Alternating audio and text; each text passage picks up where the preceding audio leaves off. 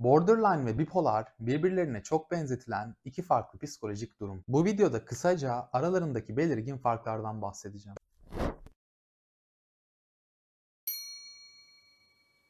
Öncelikle borderline bir kişilik bozukluğudur. Fakat bipolar bozukluk epizotik bir durumdur. Bunun ne anlama geldiğini videonun ilerleyen kısımlarında daha net bir şekilde anlamış olacaksın. Bipolar kelimesi iki kutbu ifade ediyor. Kişinin ruhsal durumunu bir uçtan öteki uca olağan dışı değişimde ifade eden bir durum aslında. Bu değişimde ucun bir tarafında depresif dönem, diğer tarafında manik dönem vardır. Tabi bipolar bozuklukta bazen yıllar boyu iki atakta gözlemlenmeyebiliyor. Kişi mani döneminde aşırı enerjik, konuşkan ve kendini güçlü hissedebiliyor. Kontrolsüz bir şekilde para harcayabiliyor. Hayatında hiç yemediği kadar yemek yiyebiliyor. Cinsel istekte bir artış olabiliyor ve kişi bu dönemde 3-4 saat uyusa bile dinç uyanabiliyor. Bu döneme sahte mutluluk dönemi diyebiliriz aslında. Kişi ne kadar çok mutlu gözükse de mani döneminin sağlıksız getirileri çok yoğun olabiliyor. Daha sonra genellikle bu dönemi çok uzun süren bir depresif epizot takip ediyor. Manik dönemdeki hislere zıt olarak içe kapanma, ümitsizlik, karamsarlık gibi depresyon belirtileri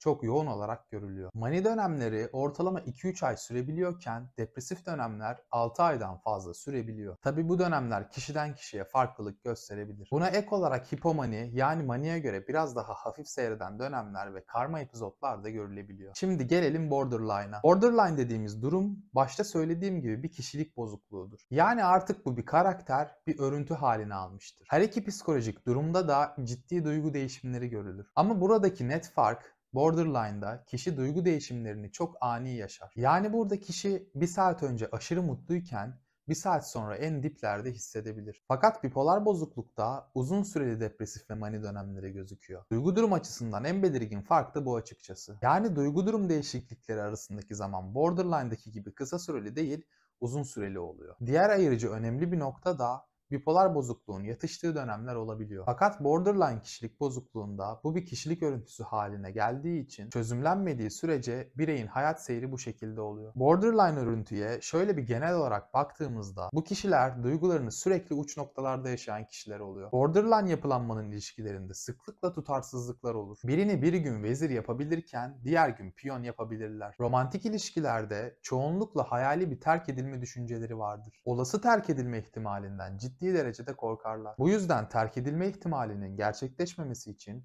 karşı tarafa yoğun bir bağımlılık gösterirler. Sık sık kimlik karmaşası ve öfke patlamaları yaşayabilirler. Bu örüntüde intihar ve kendine zarar verme davranışları görülebilir. Bipolar bozuklukta ise borderline'da olduğu kadar intihar davranışları gözlemlenmemektedir. Borderline yapılanmada bipoların mani döneminde olduğu gibi benzer dürtüsel davranışlar görülür. Kumar, kontrolsüz ilişkiye girme gibi. Bu durum kendini kısır döngü gibi tekrarlar. Mani dönemi gibi belirli periyodik zamanlarda denk gelmez. Ve borderline yapılanmada tüm bunlara ek, kişi genelde kendini boşlukta hissediyorum gibi tanımlar. Bipolar ve borderline arasındaki temel farklardan biri daha, bipolar bozuklukta genetik faktörler çok daha ön plandadır. Çevresel etmenler bipolardaki bu genetik geçişin tetikleyicisi olmaktadır. Borderline yapılanmada ise çevresel etmenler daha ön plandadır. Borderline vakaların çoğunda çocukluk yaşantısında hayatında ihmal ve istismar davranışları gözlenir. Dolayısıyla bunun ayrımında kişinin geçmiş yaşantısı mutlaka göz önünde bulundurulmalıdır. Son olarak tedavi sürecinde bipolar bozuklukta ilaç tedavisi daha ön plandayken borderline kişilik bozukluğunda